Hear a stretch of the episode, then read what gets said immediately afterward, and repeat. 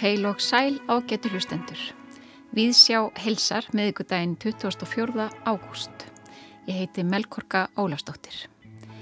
Í þætti dagsins svipmynd af Hrafnhildi Hagelín, Gerðartorg og þjóðháttíðardagur Úgræinu. Á miðugudögum í Vísjá fáum við svipmynd af listamanni og gestur okkar í dag er Hrafnhildur Hagelín, leikskáld, dramatúrg og þýðandi. Meðal verkar Hrafnhildar eru Ég er meistarin, Hægan Elektra, Norður, Seg, Flóð og útastverkin Einfarar og Opið hús, auk leikgerða og fjölda þýðinga. Hrafnhildur hefur líka skrifað ljóð en fyrsta ljóðubók hennar, Skeppna í einn skinni, kom út nú í vor. Hrafnhildur verður gestur okkar hér á eftir, kemur með nokkuð lög, segir okkur frá ferlinum og svarar auk þess nokkur spurningum úr Prúst spurningalistanum. Árið 1974 var eitt af okkar ástkæristu útilistaverkum víkt. Það er mósækverk Gerðar Helgadóttur á Tollhúsi Reykjavíkur. Verkið hefur alltaf verið hluti af Tollhúsinu sem hefur fengið ímis hlutverk síðustu ár en kannski aldrei verið í miklum tengslum við umhverju sitt. Skuggar og bílaumferð hafa þrengt að verkinu, jáfnvel laskaða en nú hefur sannarlega orðið breyting þar á. Nýtt torg sem nýlega var prýtt þókuskúltur til frekari mögnunar hefur mótast í samtali við nýjar byggingar á svæðinu en fyrst og fremst í samtali við verk gerðar. Við ræðum við landslagsarkitektin sem hafði umsjón með hönnun torgsins áslögu Traustadóttur. En í dag er þjóðháttíðadagur Úkræinu og því ráð að huga að menningargessemum þaðan. Ukraínska listakonan Marja Primachenko skipar stóransess í þjóðarsál landsins. Verkannar eru varðveitt í stærstu söpnum Ukraínu en einning minnisöpnum sem heiðra minningu þessara mögnuðu sjálflærðu listakonu sem bjó alla sína æfi í litli þorpi utan við Ívankíf.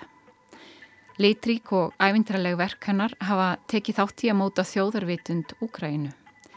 Það var því mikið áfall þegar rúsneski herin kveikti í sapni sem hýsti mikið af verkum hennar í mars síðasliðin. Við hefjum við sjá í dag með því að rifja upp pistil höllu Harðardóttur um þennan atbyrð.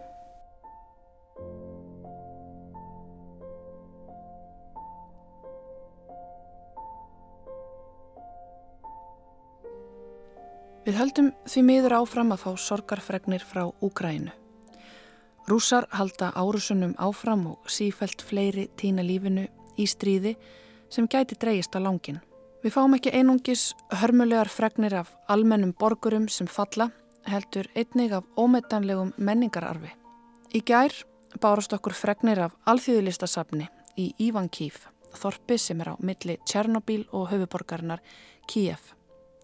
Rúsneski herin kveikti í safninu og meðal þess sem að þar brann til kaldra kóla var sapn eftir Marju Primachenko sem er einn dáðasta listakonna Ukrænu.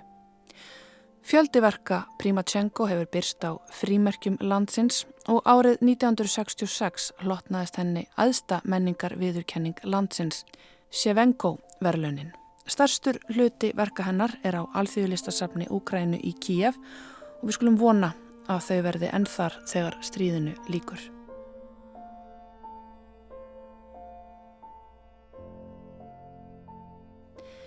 Primachenko bjó mest alla sína æfidaga í litlu þorpi í nágrennu við Ívan Kív.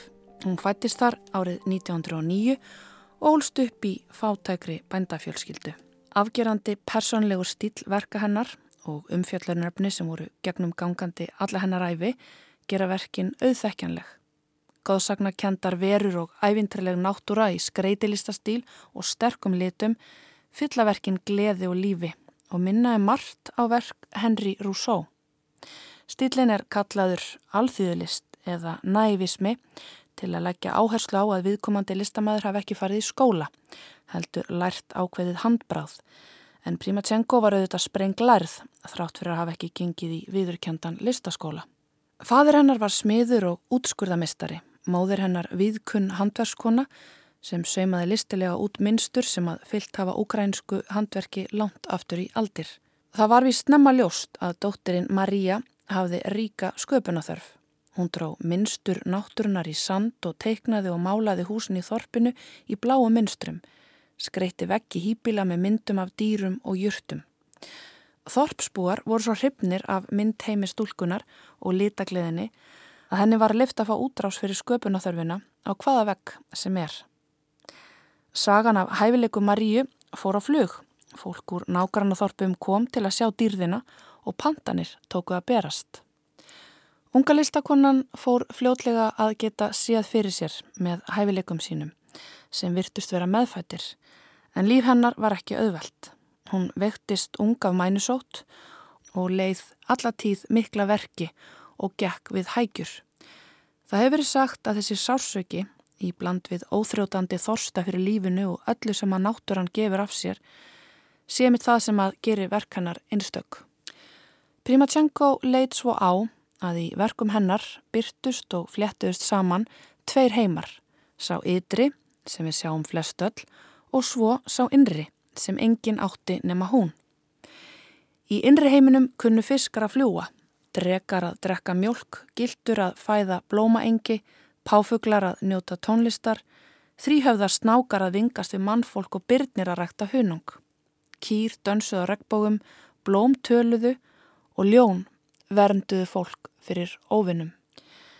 Primachenko sem var frá unga aldri þekkt í heimahýraði sínu var landsfræk á einni nóttu 1936 þegar verkanar voru sínd á alþjóðlistasýningu í ukrainska þjóðminnarsafninu í Kíjaf. Hún flutti til höfuborgarnar og hjælta áfram að skapa og sóti á þeim árum enn meira í brunn ukrainskra þjóðsagna og ævintýra. Hún misti manni sinn í stríðinu og flutti aftur heim í þorpið sitt þar sem hún breytti smáu æskuheimilinu í vinnustofu. Listakonan varð síðar viðfræk á annari nóttu þegar verkin hennar voru sínd í París þar sem að ekki minni menn en Picasso og Chagall dáðust að henni og sögðust fyllast innblæstri af verkum hennar. Sagan segir að Picasso hafi fallið á knið þegar hann heitti Primachenko og sagst beigja sig fullur aðdánar yfir undri Úkrænu. Primachenko hjælt alla tíð áfram að skapa ævintrileg málverk en auk þess skúltúra og textilverk Allt þar til hún ljast 1998, 89 ára að aldri. Verkin hennar eru yfirfull af fegurði lífsins, möguleikum náttúrunar, heilegu sambandi manna og dýra og takmarkalösi getu ímyndunaraflsins til að umbreyta heiminum. Það er alveg yfirgengilega sorglegt að hugsa til þess að slíkur vittnesbyrður skuli hafa brunnið til kaldra kóla í gær vegna ílsku og græðki mannsins.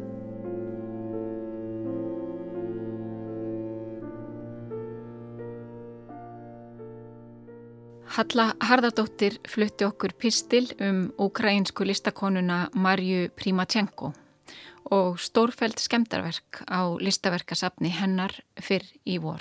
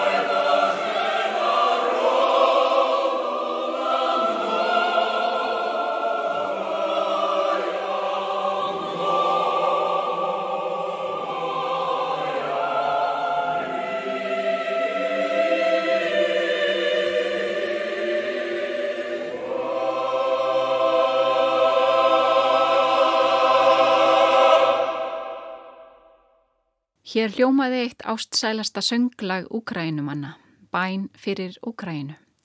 Ljóðið skrifaði skaldið og fræðmaðurinn Oleksandr Koninski sem viðbræð við kúnaraðgerðum rússa árið 1885. Tónskaldið Mikola Lysenko tónsetti ljóðið en ári síðar var lægið og ljóðið með öllu bannað af rúsneskum yfirvöldum. Bæn fyrir Úkrænu þjónaði mikilvægu hlutverki í sjálfstæðisbaratu Úkrænu á árunum 1917 til 20 og endurheimti sinn þýðingamikla sess þegar Úkræna hlaut aftur sjálfstæði árið 1991. Lægið er gerðan flutt í lok trúaratafna, stóra pólitískra viðburða og við hátíðleg tækifæri. Sannarlega viðegandi að hlýða á þessa bæn á þjóðháttíðadegi Úgrænu. En þá vendum við hvæði í kross og höldum niður í miðbæ Reykjavíkur með höllu. Viðsjá er komið niður í miðbæ Reykjavíkur. Ég siti hérna á bekk við gamla tollúsið. Ég sitt hérna, já það má segja að þetta sé nýtt almenningsrými, ég held að mjög alveg segja það, þetta var bara bílastað og gata hérna fyrir stötu síðan. Var þetta staði hérna yfir framkantir í nokkur tíma en uh, já við reykvingingar erum búin að eignast þetta nýja rými og hér var að vera að setja upp þókuskúldur og ímislegt að gerast hérna. Áslög Traustadóttir landslagsarkitekt hún hafði umsjón með hönnun þessa torgs og hún er búin að tilla sér hérna á bekkin hliðan á mér. Það er ansið notalegt að sitta hérna. Já, þetta er, þetta er flottu bekkur. Lengstu bekkur landsins, hann er yfir 30 metra langur sko, þannig að það geta nokkri setið hérna. Er hann raunverulega lengstu bekkur landsins? Ég, ég, ég sýnir mér hann að lengri. Það getur sagt allavega með lengstu bekkjum landsins, einn af þeim. Já, hann, er, hann er svona einfaldur og fagur að sjá en hérna virkilega þægilegur. Það er eitthvað við hæðina og breyttina sem er rétt. Já, það var mikið, sko þetta er náttúrulega öll lengdin á myndin hennar gerðar, Helga Dóttur, og aðeins lengri, svona, e, stelur ekki alveg lengdin, tekur aðeins lengra þannig að hann heldur pínu utanum hann hérna neðst því það er svolítið hátt upp í hana, það er merkilegt nokk. Og þetta er veila fyrsta sem við hugsaðum þegar við fengum þetta verkefni, hér var flott að hafa bekk. Og það líka ver hérna klæninguna hérna en það var mikið pælingu um hvernig væri þægilt að setjast og af því að við þurfum að halla okkur aðeins upp á vegnum á þess að, á þess að og hann þarf að þóla það sko. Amen. en það er líka gott að leggjast og, og allt sko. Hann er, og hann er mjög langur.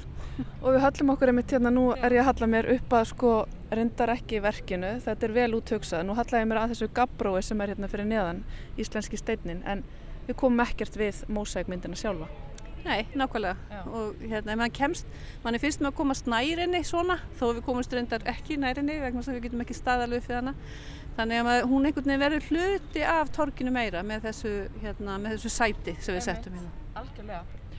Og ef ég er með áttirnar hérna á reynu þá snýr þessi bekkur, við erum hérna með söður, Já. þannig að hér mun vera sól og blíða. Já, við, hún, þetta snýr í hásöðu nánast, hérna, Já e, gablin á, á, á tóllúsinu þannig að hún snýr rosalega fallega þessi mynd, það er svo margt í henni. Mm það eru gildir steinar og það eru þverskornir hérna, steinar íslenskir með, með kristallinni og þegar sólinn hérna kemur þá eru okkur hlutinu sem hreinlega bara lýsa. Sólinn í miðjunni er alveg rosalega falleg. Og hér er sól lengi, auðvitað eru ákveðnir húsluta hérna hinn með við sem eru það háið því skikja svona á hlutatorkinu ákveðnum tímum dags en, en það er hér á vegnum með sól nánast bara frá mótna fram á kvöld. Mm -hmm. mjög skemmtlegt um, svo kemur hérna e, ljóð, menningaborgin vildi líka fá að setja ljóð hérna eins og þau fengið að setja hérna við Steinbryggjuna um, sem var hluti af öllu þessu almennsrými sem var hanna sem heild, það var hanna í rauninni alveg tryggvakatan öll að gróf var smá saman hönnu öll samhangandi til að svona, hjálpa fólki að auðveldara með að lappa um uh, borgina Hún, og það kemur svona ljóð líka í gólfi hérna alveg vestast á torkinu sem svolítið svona ítur undir þessa mystik með þokuna Þa, það er svona að teki ljóð ég eftir að hérna er búið ákveða sérst hvaða ljóð það er? Já, já. það er það Eða, það er sko bara hluti af ljóði já. eftir Sigur Pálsson og það hljóma svona einhver hefur blandað saman ljósi og skuggum og drifti við borgina. Þókukendri byrtu sem leysir upp öll landamæri. Alla leiðir voru greiðar. Þetta er bara alveg. Já, og stórkoslegt hér í Já. þessu, þar sem alla leiðir eru orðnar greiðar fyrir okkur. Og með þess að þókukent rými núna. Þókukent rými, nákvæmlega. Einmitt. Og það var svona, það var svolítið gaman að sitja hérna satt svolítið stund hérna á, á hérna, menninganótt og að horfa hvernig fólk, eh, hvernig fólk, þetta hvernig virka á fólk. Því þetta er, þetta er þókuskúltúr, þetta er ekki gufa, þetta er kallt vatn og, og hérna, en fólk svona fór fyrst að gá, er þetta heitt, því við, við setjum svolítið þetta í samband við heitt vatn í Ísland, þó að aðrir gerir það ekki. Eh, en þetta er kallt, þetta er neyslu vatn af því að maður nota mjög lítið vatn í svona miklu minna heldur enn í gósbrunn. Þetta er þrýst í gegnum alveg ofbóslega fína stúta, þannig að það verður bara til vatni verður að, að sko örlitlum drópum og þeir, það, þar lendi faraður upp í lofti, bara svífa og það er lítið vatn sem er notað. Þannig að þetta getur bara verið hreint Íslu vatn, við þurfum ekki að vera með tanka en slíkt sem er venjulega í góðsbrunum. Þannig að þetta er alveg ídíalt á þessu svæði. Já, og skapar ykkur stemningu sérstaklega. En er þetta skúlt, þessi þoka skúltur, þetta er hluti af ykkar hönnun, þetta já, er bara ykkar já. hugmynd? Þetta er okkar hönnun, já. þetta er alveg hluti okkar hönnun. Okkur hugmynd, um, já, hún kom nokkur snemma, okkur langaði vatn hérna og það var einhvers að sagði, þú veist, já, ok, blöytu börn nýri borg, það er ekki sniðut og við alveg já, við skulum samt gera vaskultúr og fórum bara að leita. Já. og þetta er, það er heilmikið að þess að gerast núna átt í heimi eh, svona þaukurskúltúrar, bæði sem inn, bara sett svona, svona, svona uppákoma og, og kannski sjálfna svona stórir eh, fastir en, en hérna þetta er, já mhm. Hér. Nú finn ég að koma Já. svona yfir okkur. Já. Við sitjum hérna í öllitli þokku ef vindurinn er hérna í þessu rétt átt. En, en segðu mér áslega, hver er svona sagan á bakvið endurgerð þessa torks? Hvena var þetta ákveðið? Já, þetta er rauninni mjög laung saga. Við, við þurfum, sko, að viðskiptavinurinn sem gerir þetta sé góður, það skiptir líka máli og við höfum unnið með Reykjavík alltaf lengi að þessum almennsrýmum hér. Um, við gerðum hérna áætlun eða svona hugmyndum hvaða, það var, sérst, það var sérstaklega þá verið að horfa á hafnastræti hvernig, við, hvernig væri það? Og það þurfti að hanga saman með þá hérna, bæjatorkinu það sem, að, hérna, sem heitir endar eftir bæjabryggjunni sem kom svo í ljós, steinbryggjunni mm. það sem bæjar sér bestu veru og, og því sem væri að gerast hérna í straujarninu það sem var, var að koma nýtt þar að hafnastræti þurfti að enda fallega þar og við gerðum svolítið áallun og það var líka verið að tala um í leiðinni hvernig maður myndi ganga frá höfninni e, inn í bæ því það er rauninni engin góð þægileg leið. Og auðvitað er núna að koma semst Reykjastræti sem gengur alveg frá eh, hörpu og hérna inn eftir og endar hérna í Tryggvagötunni. Þannig við þurfum, gerðum áallun sem varum að horfa á hvaða rými eruður stór eh, hérna fyrir gangandi og sem, sem getur þá meðan það sem torg og hvað eru þið gangstéttar, hvað við viljum setja gödugögn eh, sem eru þá hjólagrindur og trí og ljós og svona Eh, sem í þægilegt fyrir þá sem, ekki, sem að sjá ekki nógu vel eða eiga er að ferðast um að það sé bara ákveðinu línum þannig við gerðum áallun um allt þetta hér eh, 2016 Já. og eh, 2016 var hún í samþýtt og eh, hafnastrætti var að fyrsta sem var hanna þannig að svo smám saman hefur þetta verið að gerast Já. Það er ímislegt gæst sem breytti því eins og Steinbryggjan eh, og hún breytti umferðinni svakalega Þannig að þetta almennisými hér hefði aldrei orðið svona veglegt ef ekki væri fyrir svo gamlu steinbriki. Nei, og þessi hugmynd var reyndar allan tíman að það væri sér hönnu gangstíð sem það hétt þá, hérna fyrir framann með þaukurskúltúr, en hún hefði ekki orðið svona breið. Og, eh, vegna, og það bættist heila akrein á gödunni vegna þess að nú er bara einstemna. Það er ekki hægt að keira með tvíastu fram hjá steinbrikinni. Mm -hmm. Hún lokaði því bara.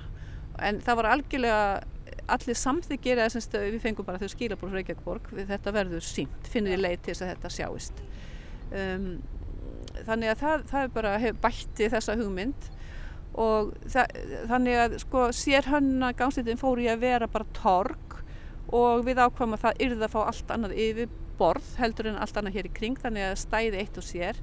Og þannig var þessi hugmyndum að, að gera hér steipu Uh, hér var gömul stift gangstift, eina eldstu gangstiftunum held ég bara í þessu svæði sem var ennþá hérna sem tilheyriði e, var á lóð hérna, hérna tollhúsins, mjó gangstir þar sem að stóri bílar lög, lögðu. Tryggvagatan var mjög grágata, hún var umferðagata, um, alla leið eiginlega.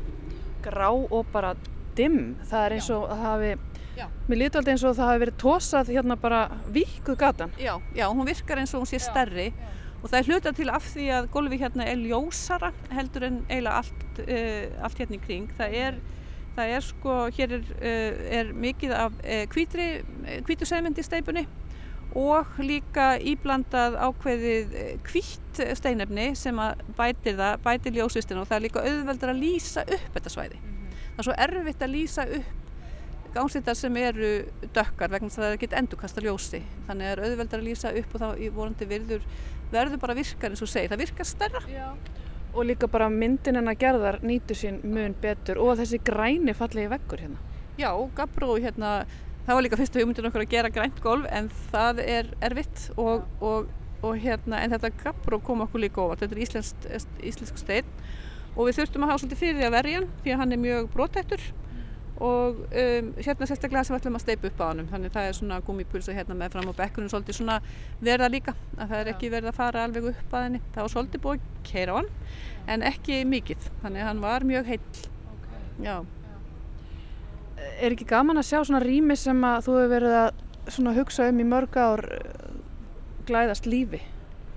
Jú, þetta, ég, sko, já, þetta er mjög sérstakt og, og hérna, þetta er búið að taka langan tíma og það er náttúrulega það sem er að gerast nýri borg þegar það er verið að gera svona hluti þá er oftast langmest undir jörðinni. Það eru lagnirna sem skipta rosalega miklu máli um, og það er kannski eitt af því sem að e, fólk gerir sér ekki grein fyrir hvað það þýðir að hérna að fara niður í miðborg því við erum svo neðarlega, við erum hérna í hæðu cirka 6 yfir sjáamáli þannig allt sem við gröfum erum við nánast að grafa niður í sjó.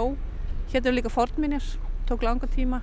En það, það er mikið, hérna eru klóaglagnir, uh, vasslagnir hérna er verið að skipta upp uh, líka verið að skipta upp þannig að nú fari ekki neist, um, ofvatnin sem fennir í niðurföllin fari ekki lengur í klóaki það er eitt af það sem er verið að gera, því Við reynum að hérna, vera með umhverfisvæna lausnir hér er það svo erfitt að þetta er svo mikið hart en við náðum í endan með tryggagötu þar fer allt uh, regningavatni beint honni í beðin og leitt honni beðin niðurföllin leiða bara í beðin, það leiðir ekki lagnir.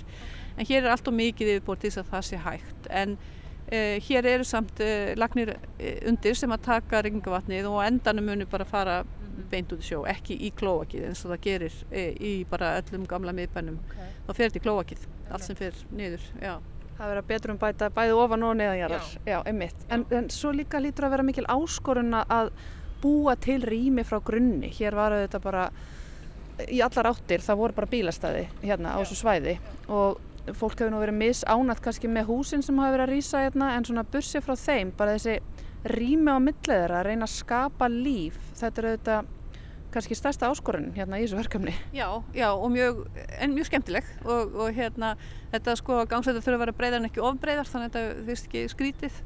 Og, og hérna þetta er bara svona, maður er svona hvernig, hvað getur við gert, hvernig þú veist fáum við fólk að koma hingað? Og mikið búið að hugsa um sjónlínur og þá sjáir þessa mynd svolítið langt að og það sé þessi hún sem dregur. Og það er mjög gaman eins og með steinbryggina sem er að það, það eru svæði sem eru okkar, ekki einhverja sem ætla að selja eitthvað heldur okkar borgarinnar. Það er líka, þeir að vera líka ekki, og líka þarf að vera pláss fyrir sem þá sem vilja vera með úti hérna veitingar. Og það er gert ráð fyrir því hér sikkur megin eins og er, er núna að byrja að þau, það, þau meg að sækja um þeir sem eru hérna hinu megin þetta er einhver, einhver, hérna, einhver skipið að flauta þau mögja að sækjum að, að fá að vera með veitingar sko hérna megin við vegna þess að það er hérna mittla meiris lengur sól. Um, en það er náttúrulega sækjum það og þannig það er gert ráð fyrir því cirka við ljósastöðuna hérna bláu sikkuru megin. Uh, við erum líka að vinna með lýsingarhörnuðum þannig það er mikið velt fyrir sér hvernig við lýsum upp þessa, þetta svæði. Þannig að það eru sér kastarar í þessum bláu stöðrum sem eru með þannig lýsingu að þau endurvarpa sem mestum litum. Vegna þess að þannig að myndin sjáist líka í lýsingunni, ekki bara upplýst þannig að það er, það er pælinga þar á bakvið Já. Gaman að koma í það kvöldi til líka Einmitt.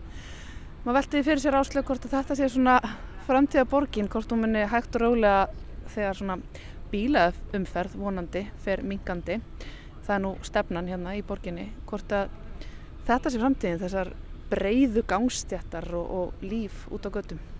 Já, ég held það, sérstaklega í miðborginni og, og eiginlega öruglega í útkvörum líka það sem eru versluna miðstöru eða þannig. Um, það sem er sagt, hjartað í hverju hverfi ætti líka að vera þægilegt fyrir þá sem að lappa þanga eða hjóla þanga eða þannig. E, gangsindar, já og líka bara það sé auðvitað að komast á hjóli. Við, það eru ákveðna fórsendur sem við fengum, ekki, við, við dettum með okkur, það kemur ekki með allt frá okkur. Það er eins og það myndi ekki fækka fallara stæðum sem við gerum ekki þegar ég upp mörg. E, það þýrt að vera hægt að stoppa og setja vörur og það er hægt e, á tveim stöðum um, og svona hluti sem að auðvitað er ennþá umferð hérna. Og umferðin er náttúrulega en það er verið að íta undir það að við löpum sem mest, að við leggjum bara bílnum og það náttúrulega komir rosa mörg bílastæði hérna undir, mm -hmm. undir Hafnatorkinu og, og Gerskutunni og alla leiði yfir sko. Um, sem hluta til var líka hluta af þessu, hvernig keirum við upp og niður í það og, og hérna það allt saman. Þannig að já Það það er í ansi mörg horn að líta mikið hugmyndum og hérna vinnu á bakvið eitthvað sem að Já, maður áttast ekki kannski á því fyrstu sín. Maður sér hérna bara þess að fallegu mynd og breyða gangstétt og þóku. En hérna það er margt búið að ganga hér á áslegu. Ég ætla bara að skalla hamingjum með hérna loka punktin á, á þessu almenningsrými sem við reykjagingar erum búin að egnast í dag. Takk fyrir það og gaman að fóra, fóra í gang hérna á menninganótt. Það var ósæðilega skemmtlegt. Takk fyrir það. Halla rætti hér við áslögu Traustadóttur landslagsarkitekt sem hafði um sjón með hönnun og framkvæmt nýs almenningsrýmis framann við Mósavík verk gerðar Helgadóttur á Tollúsi Reykjavíkur. En þá er komið að sveipmynd dagsins. Hrafnildur Hagelín hefur starfað sem leikskáld, þýðandi og dramatúrk um árabil og hlotið margvísleg verlaun og viðurkenningar fyrir verk sín meðal annars leikskáldaverlaun Norðurlanda, Norrænu útvarsleikusverlunin og Grímuna. Síðustu ár hefur hún starfað sem listrætt ráðunautur bæði í borgarleikúsinu og þjóðleikúsinu og síðasta vor kom út bók með ljóðum Hrafnildar Skeppna í eigin skinni. Hrafnildur er komin í hljóðstofu til þess að segja okkur nánar af sínum fjölbreyta ferli og hún tók líka með sér nokkur lög. Byrjum á því að heyra fyrsta lægið sem hún valdi.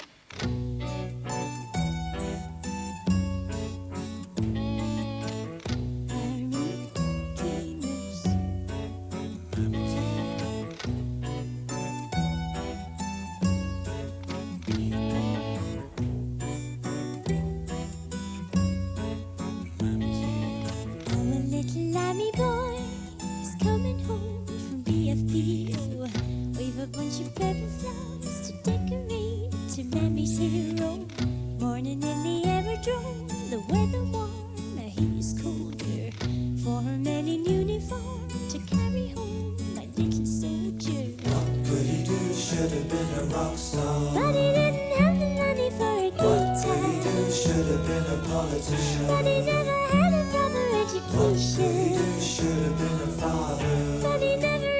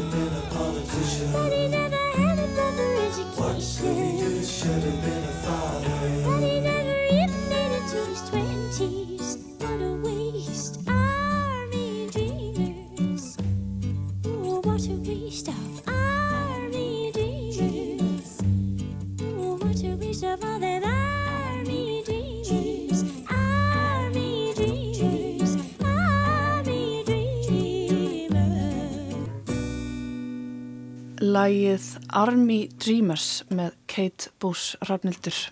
Segð okkur frá því, akkur þú valdi þetta lag?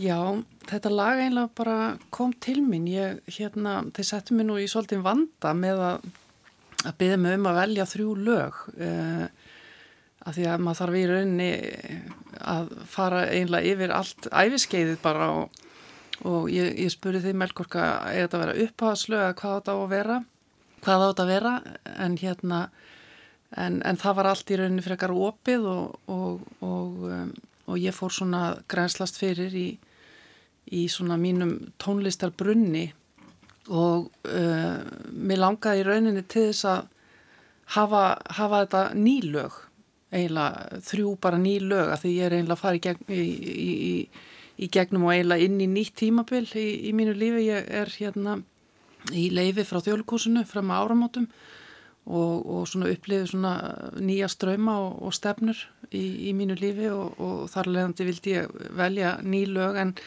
en samt sem áður þá, þá hugsaði ég aðeins svona tilbaka. Og Kate Bush var svona eina mínum hérna uppáhals tónlistarkonum þegar ég var unlingur og mér fannst þetta lag náttúrulega á sín tíma alveg frábært, ég hlustaði eiginlega mest á klassiska tónlist á þessum tíma. En hún var svona eina fáum sem að ég hlustaði á bara mikla virðingu fyrir og þessi teksti fannst mér líka e, hitta mjög vel í dag, e, það er nú meiri segja þjóðháttíðadagur úkrænumanna, ekki satt? Einmitt. og tekstin er um, um móður sem er að sirkja svonsinn sem kemur látin heim úr stríði. Mm -hmm. þannig að, að mér fannst þetta smelt passa. Já, mjög, þetta er mjög sterkur teksti mm -hmm. en þú talaður um að, að þú hlustaði mest á klassiska tónlist. Þú lærðir klassiska tónlist á gítar Já, mm -hmm. alveg frá 8 ára aldrei og reyndar á píjan líka í mörg ár. En gítarinn var svona mitt aða hljóðfæri og, og ég byrjaði 8 ára gömul að læra hjá Eithóri Þorlósinni á gítar. Og uh, hann síðan tók yfir, uh, ég valdi á milli píanósins og, og gítasins af því að það, það var eiginlega ómikið að vera á tvö hljóðfæri svona lengi. Ég tók samt eiginlega næstu í fimmsti á píanó líka, mm. en laug sem sagt uh, burt var að prófi á klassiskan gítar frá tónlistaskólanum uh, árið eftir stútinspróð, þannig að þannig að já, ég er með klassiskan uh, tónlistabakgrunn mm -hmm.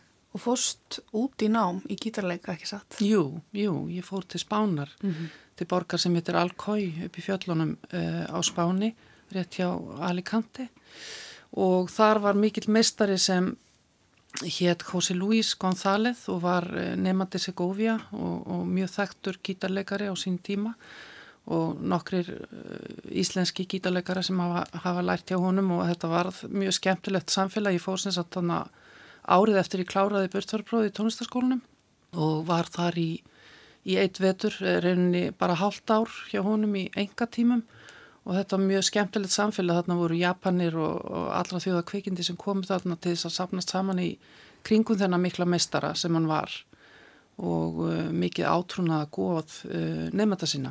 Mm -hmm. Þannig að ég, ég var þarna í, í enga tímum og, og ákvað síðan um, um jólinn samt sem áður þá var ég aðeins byrjuð að skrifa líka og það var svona ákveðin tókstreita og, og hérna og ég á endanum valdi á milli tónlistarinnar og, og, og þess að fylgja, fylgja því kalli.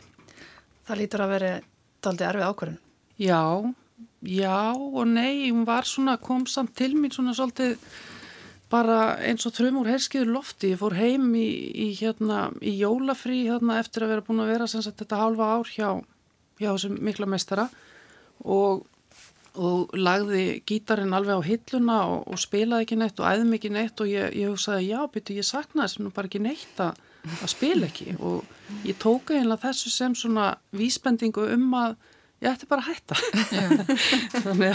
að upplifur einhvers konar létti Já, ég gerði já. það mikinn að því ég hefði náttúrulega í rauninni var þetta ekki þannig þannig köllun hjá mér tónlistin ég stóð mig alltaf vel og mér gekk vel og og fórildra mín í kvötum ósparta áfram þau voru kvorut með tónlistamentun og þetta var mikið kápsmála mm. að dótturinn lærði á hljóðfæri mm -hmm. og uh, ég var hérna dögleg og saminskursum og, og, og, og þannig einhvern veginn liðu árin og ég hætti aldrei einhvern veginn var alltaf að hugsa hverju, hverju voru oh, á innu ekki að fara að leggja gítarinn á hillina en, en svo hérna, fór ég þetta lang og það var náttúrulega frábær þjálfun og reynsla sem maður fær í gegnum svona mikið og stránt ná. Mm -hmm. Ég er meistarinn leikriti þitt. Það er einhvers konar, er það uppgjör við þennan tíma? Já, Eða, já. það er það. Mm -hmm. Ég, hérna, ég byrjaði með þetta að skrifa það þarna í, í Alkói, ég fóra aftur eftir jólinu þegar ég er búin að taka þessa ákverðun og, og var fram á, á sömar í, í borginu og þá bara hóf ég réttstörf mm. og ég hugsaði já, ég er nú alveg upp í leikúsinu og eitt vinnum við var búin að skrifa þá leikrit uh, Bjarni Jónsson og, og ég hugsaði kannski geti ég nú bara að skrifa leikrit þannig að ég mitt allt þetta í hug og, og hófað að reyna fyrir mér í þessu og, og hugsaði sem svo já uh, nú er ég að skilja við tónlistina það er best að ég gefin eitthvað fallegt. Mm. og þetta er svona eiginlega óður til tónlistarinnar þetta verk. Já, þetta sló algjörlega í gegn þetta leikverk. En finnst þér svona eftir á að higgja þegar þú lítið tilbaka, finnst þér eins og það hafi kannski hjálpað þér á þessum tímabúndi að taka þetta skref að skilja við tónlistina að hafa skrifað leikriti Já, örglega sko. Ég, hérna, jú, ég held að ég hafi upplifað eins og þetta væri þá rétt ákvörðun sko. Mm -hmm. Og hluti af, af þessu var það að mér fannst einhvern veginn tónlistin ekki alveg einhvern veginn ná einhvern veginn að fanga það sem ég vildi segja, almennilega. Mér fannst mm -hmm. ég þurfa orðin til þess mm -hmm. og kannski var, já, þessi fínu viðbröðu einhvern veginn, já, eh, sögðu mig það að þetta, þetta væri, væri rétt og, og ég gæti einhvern veginn komið því til skila sem ég vildi með þessum hætti. Mm -hmm. mm. Eflaust er líka tónlistin bara góður grunnur fyrir leikúsið og ljóðlistina ef út í það er farið. Þetta er auðvitað allt auðvitað tengt. Já, mm. einmitt. Auðvitað allar listin tengtar og, og hérna og uh, ef maður ætti að bera það saman auðvitað er náttúrulega tónlistin einhvern veginn er svo drottning listan að þannig lagað. Hún höfðar til svo margra og hún er tungu, alveg tungumál og allt það en, en ég upplifi í rauninni um, bókmentir og, og, og list með orð einhvern veginn líka eins og tónlist mm -hmm. uh, hver höfundur hefur sinn, sinn stíl og, og hann er ákveðin rithmi, ákveðin taktur og það er, er tónlist Þú ferði aftur til spánar einmitt í ljóðabókinniðinni sem kom út í vor, ekki? Mm -hmm. Já og hún er líka fulla tónlist, mikil tónlist í, í ljóðunum. En þú heimsækir aftur spán í þessari bók. Já, einmitt. Ég fór aftur á til þessari borgar sem ég hafi nú ekki einlega komið til síðan. Af því það var svona hérna, ákveðið eh, áfall þar sem ég skildi í rauninni eftir í öll þessi ár og bara gróf einhvern veginn þarna á þessum stað og ætlaði mér alltaf í rauninni að fara aftur og, og hérna, heimsækja þetta en hérna í stuttum máli svo ég ofinbörði það nú en, en, en hérna faði minn var brákvætur þarna, kom í heimsóttímin og eða þau og e, hann var bara 59 ára og ég er 22 og þetta var svona, já, þetta var ákveð áfall sem að ég í rauninni að því að maður er nú þannig gerður og átti móður sem var líka mikil herkill hmm. og þá bara hérna íttu við þessu til liðar og, og heldum áfram og og sýrðum hann auðvitað, auðvitað mikið en, en hérna bókin er tilenguð honum og er svona heila tveggja heimatal þessara konu sem kemur tilbaka til þessar staðar mm -hmm. og uh, ungu konuna sem ég var þá. Einmitt. Þannig að þú hefur kannski gert upp tónlistina með leikritunu en áttir eftir þennan hluta. Já, má kannski segja það. Þessu, þessu tímabili í lífiðinu. Einmitt mm -hmm. og annars er ég nú ekki mikið eh, fyrir að einhvern veginn að líta tilbaka. Mér er miklu skemmtilega að líta fram á þið eins og, eins og kemur fram í þessum lögum sem ég valdi sko, mm. ég, finnst, ég, ég er lítið fyrir nostalgí og, og, hérna, og að romantísera fortíðina á einhvern nátt Eða að fara yfir í næsta lag fyrst erum við að tala um tónlistina? Skulum heyra hérna lag, Ramnildur, segja okkur frá þessu lagi sem þú valdir með hennu Unu Torvadóttur Já, hún var hérna samnefandi dóttur minnar í, í mentaskóla og e, ég bara, mér finnst hún alveg frábært tónlistamæður og, og hennar hérna baráta og, og sigur á því sem hún lendi í eitthvað neginn algjörlega til fyrirmyndar og svo frábært og hún bæði syngur eins og engil og lögin hennar eru, eru ótrúlega vel samin þannig að mér langaði einhvern veginn til þess að, já, að hafa hanna hér með okkur í dag.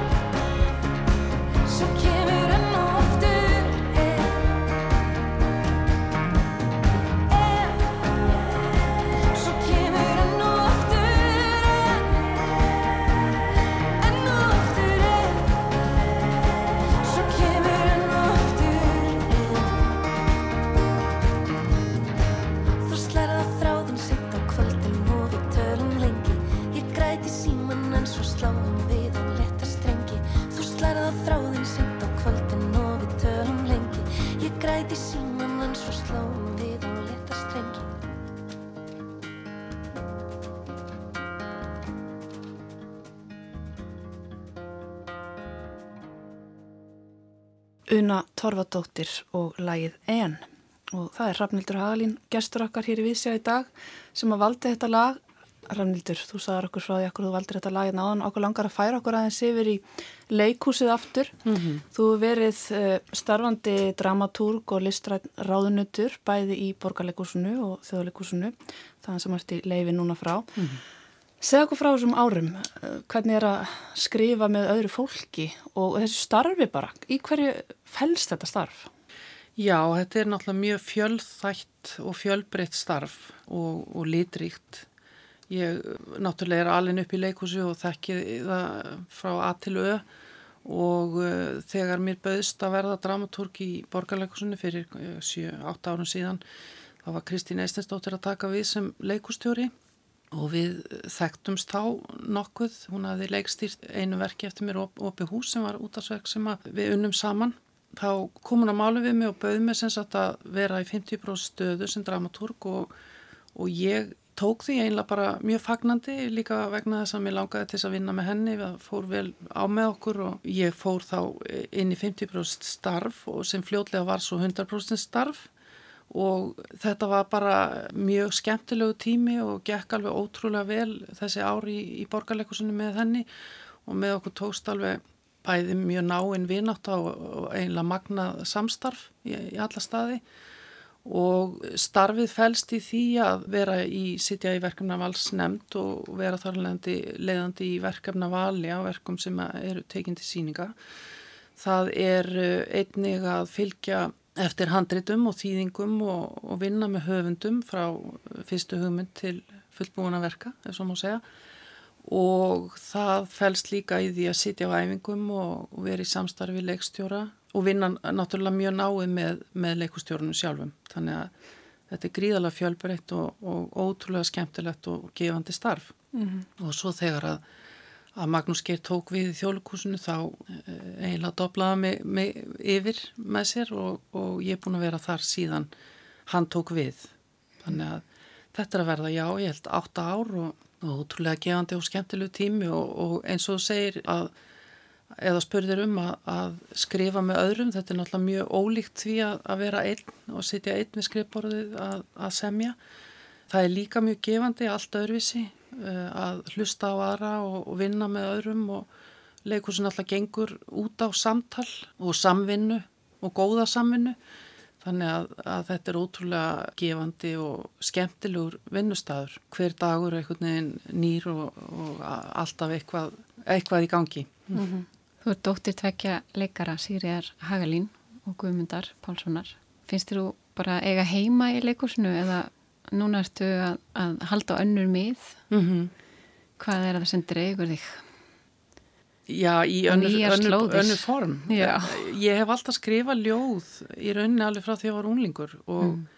og svona verið svona í, í framhjálaupi að skrifa aðra texta með sko þú ég nú aldrei eða einlega ekki byrt neitt að því sko ekki anþá en, en það er líka mjög gefandi að, að reyna fyrir sér í, í öðrum formum og ekki öllum sem, sem lætur það endilega. En leikriti mín sérstaklega setni hafa verið talsett ljóðræn. Mm -hmm. þannig að það var ekki, ekki mikið stökk frá leiktestanum yfir í ljóðið endilega. En, en kannski, kannski meira stökk yfir í an, önnur bókmyndaform en við sjáum til hvað hva kemur út af því. Ég er svona með allt opið einhvern veginn núna en mm -hmm. þessa mánuði sem ég er í, er í leifinu mínu fram að áramótum Ætlar að fara eitthvað út að skrifa? Verður... Nei, ég ætla nú mest að dvelja á lögbílinu mínu og okkar sem eru nýbúin að fjárfesta í fyrir árið síðan undir eigafjöllum. Nú? Yeah. Þú var að segja frá þessu? Já, það hérna við maðurinn minn Pétur Jónasson, uh, tónlistamæður, við erum nú búin að búa í 101 í 100 ár og heldum að við myndum nú aldrei færa okkur þaðan en áttum fyrst íbúð á, á lögvei og færum okkur svo yfir á, á hverfiskötu og og þetta fannst, fannst fólki á sínu tíma ægilega skrítið. Fyrst að kaupa á lögavegi og svo hverju skutu en við högnuðust nú ágætlega á þessum fastegna viðskiptum okkar. Mm -hmm. og nú fyrir árið síðan seldum við þessa penthouse íbúð okkar sem við áttum á, á hverju skutu og vorum með allt opið um tíma og skoðuðum og skoðuðum og okkur langaði svolítið til þess að breyta til þánga til svona í stuttumáli að, að hérna, við duttum niður á þetta lögbíli undir EFL-um. Þetta er fjárhús sem hefur verið breytt í fullkomið íbúðarhús og er mjög flott og öllum tækjum og tólum búið og þurfti ekki að gera, það var svona ákveði skilir hjá mannum mínum og þurfti ekki að fara að gera eitthvað gammalt hús upp. Já. Þannig að við fórum og skoðum þetta og ákváðum okkur á korteri og, og slóðum til. Það var svo neitt. Þannig að nú erum við bara eigum við lögheimili þarna, við hefum reyndar verið með litla íbúð í bænu líka því ég hef náttúrulega verið mest, mest hér í, í vinnum minn í þjólkursinu. En nú erum við komið með smá bústofnu, okkur við gefum gimpur af nákvæmlega nokkar og við höfum korut okkar verið í sveit og þekkjum lítið til sveitastarfa. Þannig að ég saði bara við nákvæmlega minn, já, takk fyrir gimpur, hvað er það? okay. en, Þa, hérna, það hljómar eins og það sé breytir tímar framöndan hjá það eins og standir kannski okkur um skilum Emmitt, emmitt Jú, mm. við höfum nú alltaf svolítið kastað öllum tegningum upp í loft og, og, og breytt um stefnu í lífunu ég held að sem, það, það er allavega hendar okkur vel við, flutt, við byggum á spánu um tíma og ég bjóð í Fraklandi en við erum svona svolítið, já, okkur langar til þess að að vera ekki alltaf á sama stað þannig að mm -hmm. þetta var komið tíma á að breyta til fannst okkur mm -hmm. og þetta er, þetta er ótrúlega mikil breyting en skemmtileg mm -hmm. og, og bóðar eitthvað nýtt mhm. Og mun kannski gefa þér meiri tíma fyrir eitt störf? Vonandi Já Það fer að líða að lokum hjá okkur eh, er ekki komin tími hérna áður en við heyrum lokalægi Rafnildur, við ætlum að fara í stuttasálgreiningu Já, við ætlum að spyrja því þryggja spurninga á spurningalýsta Prúst og fyrsta spurningin er hvaða eiginleiki skilgreinir þig best? Mm, já, hvaða eiginleiki skilgreinir mig best? Þetta er erfitt að svara þessu. Uh, eh, Kýmni gáfa? Það er frábæra eiginleiki. Já. Eitt svo mikilvægasti. Hvar og hvenar hefur þau verið hamingisumust? Allstaðar. Stuttulega gott. Allstaðar. Þetta er bæði hvar og hvenar svar. Mm -hmm. Einmitt. Mjög gott svar. Síðasta spurning. Já. Núna. Ef þú mætti snúa aftur eftir dauðan sem dýr, hvaða dýr væri það? Hestur. Já, alveg viss. Já, alveg viss. Vildi helst hafa verið kentár en, en hérna, ef ég ætta að velja það þá vil ég hestin Allar að vera með kentára í sveitinni undir eigaföllum Já, það er, það, það er von á tveimu trippum núna í september. Já. og uh, já, við, erum, við ætlum að sigla á þessi mið. Já. og kentárar eru auðvitað velkomnir. Þegar þeir eru einhver staðar. Mm. Það verða kannski allavega skáldaðir kentárar Já. Mm -hmm. Það er lúa góðu Heyrum Strómæi, getur þú sagt okkur frá því? Strúma er eh, belgískur söngvari og lagahöfundur, ungum aður, hann syngur á frönsku, hann er með ræturarækja til Rúanda og ég kynntist honum í gegnum dóttu mína sem er svona aldrei mikil tónlistar grúskari og hann er mjög skemmtilegur, oft pólitískur, hann er performance listamæður líka í vídjónum sem hann sendi frá sér. Já, mér finnst þetta bara ótrúlega flott lög sem hann semur og og hvet menn til að hlusta. Hann, hann neytar að syngja á ennsku þó hann sé orðin mjög frægur. Hann segir að hann tengi ekki við það tungumáli að verða að syngja á sínu eigin tungumáli sem er mjög flott, finnst mér. Mm -hmm. Svo má geta þess að nafnið Stróma er afbökun á orðinu Maestro sem er svona þýðingin á, á fyrsta verkinu minni, ég er meistarinn. Þannig rammu við þetta viðtal fallega inn. Heyrum lagið Rafnildur Hagalín, takk innilega fyrir að vera með okkur hérna í Vísjá og gangið vel bara allstaðar. Takk, sem leiðis.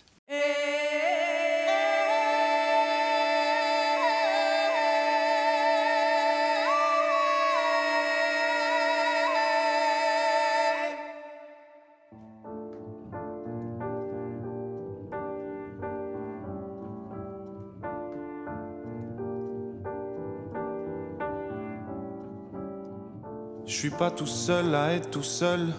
Ça fait déjà ça de moins dans la tête. Et si je comptais combien on est? Beaucoup, tout ce à quoi j'ai déjà pensé. Dire que plein d'autres y ont déjà pensé. Mais malgré tout, je me sens tout seul. Du coup, j'ai parfois eu des pensées suicidaires, j'en suis peu fier. On croit parfois que c'est la seule manière de les faire taire. Ces pensées qui me font vivre un enfer. Ces pensées qui me font vivre un enfer.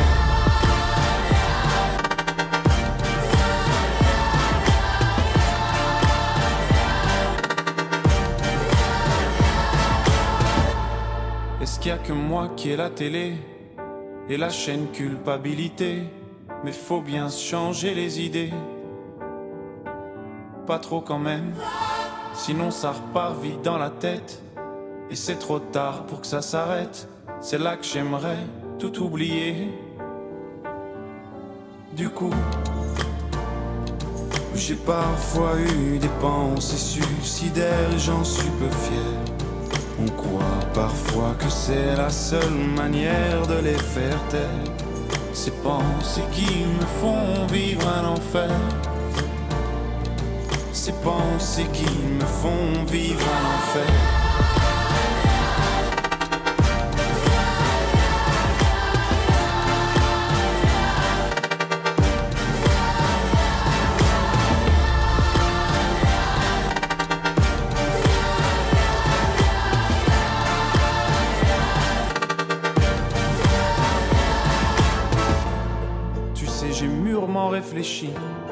Et je sais vraiment pas quoi faire de toi. Justement, réfléchir, c'est bien le problème avec toi. Tu sais, j'ai mûrement réfléchi. Et je sais vraiment pas quoi faire de toi. Justement, réfléchir, c'est bien le problème avec toi.